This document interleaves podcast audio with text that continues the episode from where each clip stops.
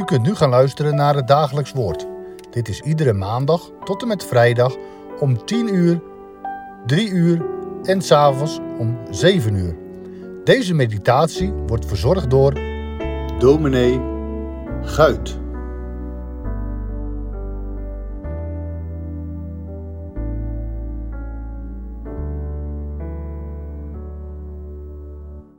Lees met u enkele versen uit de Bijbel en wel Daniel 8, vers 15 tot en met 22. Daar lezen we: Het gebeurde toen ik het visioen zag, ik Daniel, dat ik het probeerde te begrijpen. En zie, er stond iemand voor mij met het uiterlijk als van een man.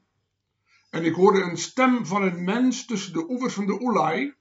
Hij riep en zei: Gabriel, laat hem daar het visioen begrijpen. Hij kwam naast de plaats staan waar ik stond, en toen hij kwam werd ik door angst overvallen, en ik wierp hem met het gezicht ter aarde. Toen zei hij tegen mij: Begrijp, mensenkind, dat het visioen betrekking heeft op de tijd van het einde. En terwijl hij met mij sprak, viel ik in een diepe slaap met mijn gezicht op de grond. Toen raakte hij mij aan en liet mij opstaan op de plaats waar ik gestaan had. En hij zei: Zie, ik laat u weten wat er zal gebeuren aan het einde van deze periode van gramschap. Want op de vastgestelde tijd zal het einde zijn. De ram met de twee horens die u gezien hebt, dat zijn de koningen van Medië en Perzië. En de harige geitenbok is de koning van Griekenland. En de grote hoorn die tussen zijn ogen zat, is de eerste koning. En dat die afbrak en er vier voor in de plaats kwamen. Vier koninkrijken zullen uit dat volk ontstaan maar zonder de kracht ervan.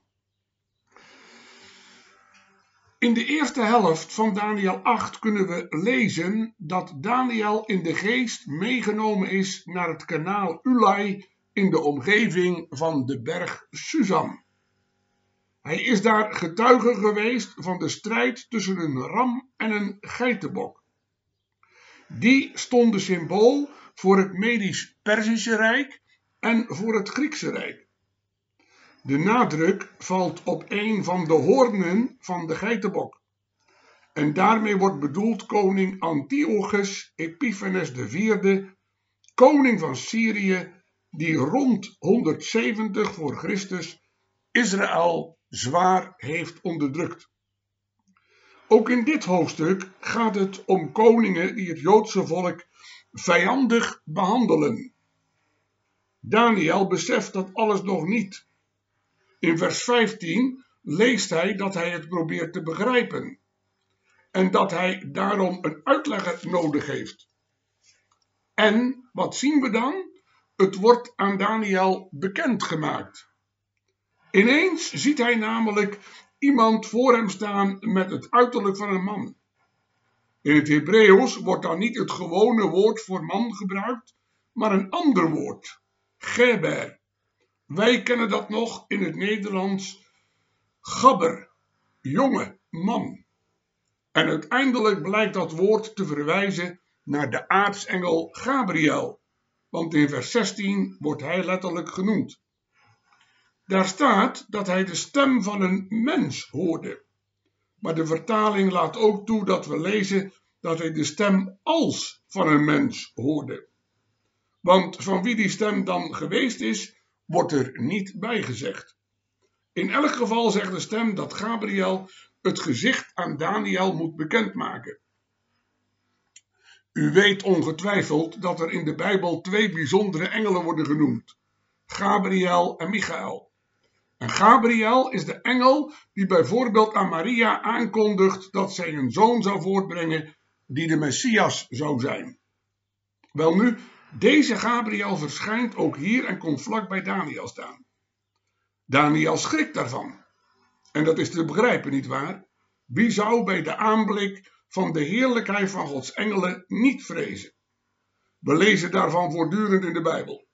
En als de verrezen Christus aan Johannes op Patmos verschijnt, lezen we zelfs dat Johannes zegt: Toen ik hem zag, viel ik als dood aan zijn voeten. Daniel schrikt ook als hij Gabriel ontmoet. We lezen, hij werd door angst overvallen en hij wierp zich met het gezicht op de aarde. Gabriel begint tegen Daniel te spreken en zegt: Dit visioen heeft betrekking op de tijd van het einde. Wat bedoelt de engel daarmee? Gaat het visioen specifiek over de eindtijd, de dagen vlak voor de wederkomst van Christus? Nee, want Daniel 8 handelt over de periode van het tweede en derde dier. En die periode wordt volgens Daniel 7 nog gevolgd door de tijd van het vierde dier. En dat is het Romeinse Rijk.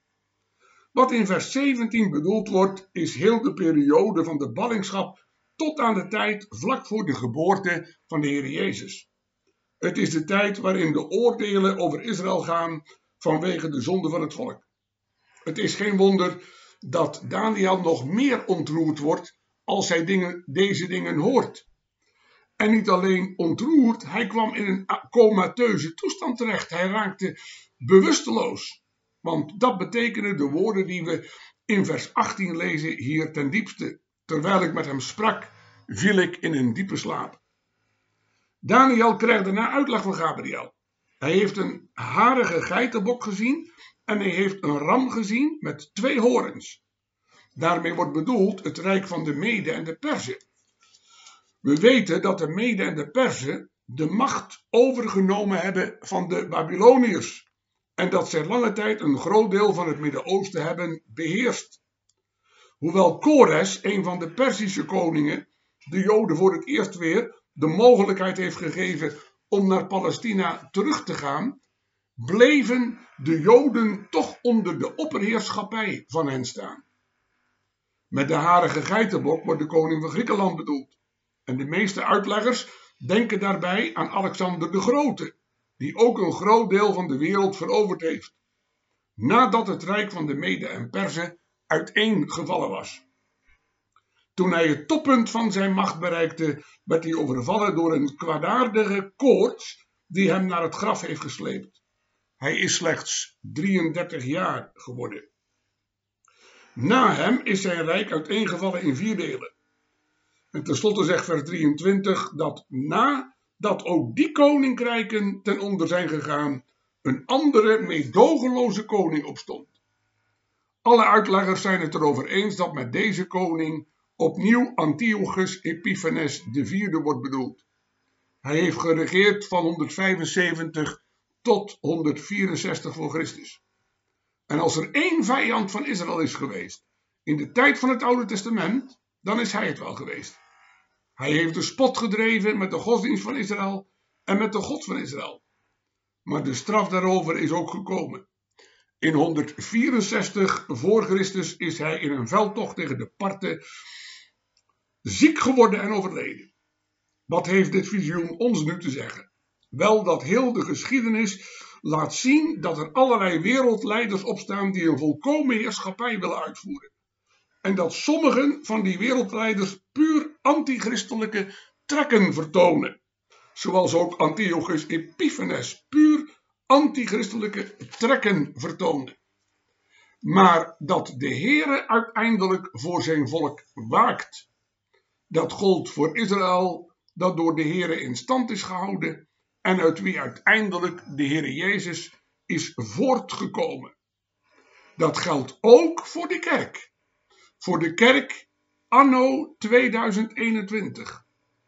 Want wereldrijken vergaan, maar het koninkrijk van Christus zal blijven bestaan. Als we de recente geschiedenis nagaan, zien we dat het rijk van Napoleon ten onder is gegaan.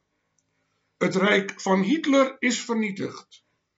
De communistische idealen van Stalin nooit uitgekomen zijn.